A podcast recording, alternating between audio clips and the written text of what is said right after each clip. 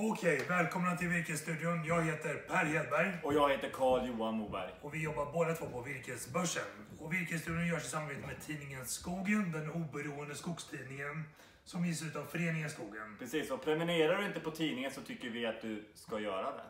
Det finns ju lite olika sätt att bidra till en mer oberoende och transparent virkesmarknad. Det ena är att prenumerera på tidningen Skogen och det andra är att använda Virkesbörsen. Ja, men precis.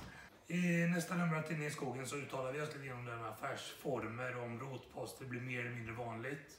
Vilka affärsformer ser vi på virkesbörsen idag?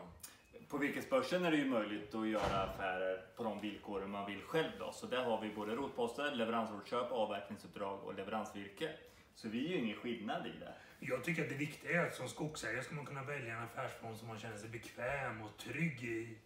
Och en stor fördel är om man enkelt kan jämföra anbuden. Ja men så är det ju. Alltså få en prislista från fyra olika företag så är det ju väldigt svårt att se, är den här bra eller dålig Ja. för mig? Och i vår värld så är det en självklarhet att man tar in anbud från flera företag. Det är det ju inte för många skogsägare. Nej.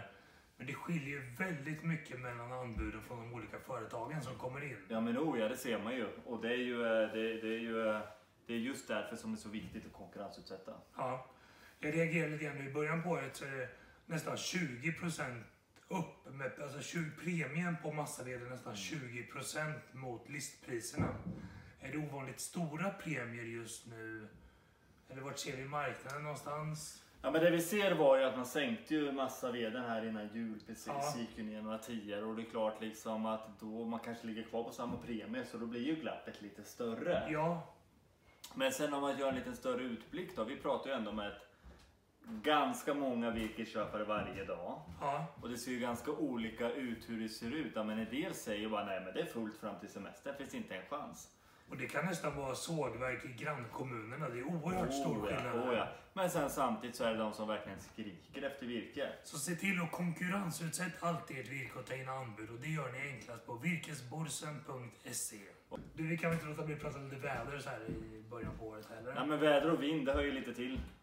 När man pratar om skog Vad ska vi också. säga om den här vintern egentligen? Bedrövlig Ja. för alla som gillar snö och Du kyla. gillar skidåkning. Jag gillar skidåkning. Eh, och samtidigt är det ju stora problem för, eh, för skogsbruket. Ja, Eh, vi pratade med någon här uppe i södra Dalarna för ett par dagar sedan. Han sa att det var tredje tjällossningen den här säsongen. ja, eh, och då är det inte ens, ja, nu är vi i mitten av januari. ja. Eh, så det sätter ju dels problem med att komma ut i skogen och köra eh, för att inte skapa, eller att det ska uppkomma skador på marken. Men Ja. sen samtidigt likadant vid, vid bilvägar. Alltså bilvägen håller ju inte.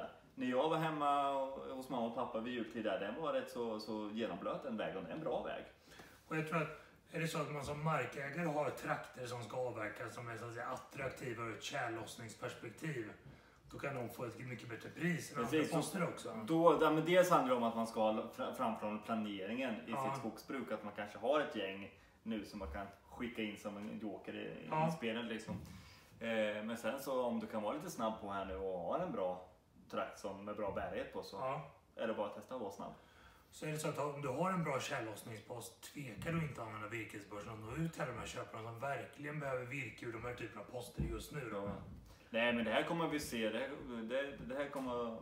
för Grejen är ju de de kör på nu kanske och sparar det till tjällossningen längre fram och då kommer Ja. de ha dem då att köra. Så att, Och det kanske är så att på lång sikt så måste vi anpassa skogsbruket till mildare vintrar eller en förskjutning i vintrarna åtminstone. ja, men Beroende på uppvärmning. Ja men så är det ju och här pågår ju en hel del forskning vad gäller själva, själva drivningen. Ja, För oftast är ju inte, det är ju inte liksom skördaren som gör de stora skadorna nej. eller har problem. Den tar ju salt, nästan allt fram. Sen är det skotaren som ska bära ut virket. Ja. Det är där de stora tyngderna är. Och här pågår det ju försök och finns ju maskiner som rullar med banddrift och de här sakerna. Och det är klart att har man trakter som är känsligare för de här typerna av tunga laster, då gäller det att man kravställer i sin annons Mm. lite mer också. Ställer krav på entreprenören som ska genomföra avverkningen. också. verkligen. Och följer upp det och sen se till att man får det där lilla extra för att man har en bra trakt. Exakt, exakt. Du tjänstgör som skogskompis i vanliga fall. Ja men det brukar Där bli det. försöker du lite- lite fortbildning och kunskapsspridning kring skogsbruket. Är det så att du har förslag eller frågor som du vill att vi tar upp eller skogskompis tar upp i skogskompis så hör ni av er till oss på virkesstudion virkesborsen.se. Och där kommer vi gärna ut och träffas. Vi har ju träffat både markägare, industrier och, och eh, ja, allt möjligt. Alltså företagare inom skogsnäringen ut och träffa. Det är jätteroligt. Vart kan man se Skogskompis? Det hittar man på Virkesbörsens YouTube-kanal va? Det gör vi alla gånger. Ja. Det gör vi. Så in på YouTube och googla Virkesbörsen. Eller googla inte på YouTube utan Nej, man utan söker. Youtuba kanske? Nej, det gör man inte heller. men Skriv. Man skriver ja. Sök. Men det tycker jag vi rundar av för idag. Det gör vi. Tack snälla Carl-Johan. Tack själv. Ha det bra där ute. Hej. Hej.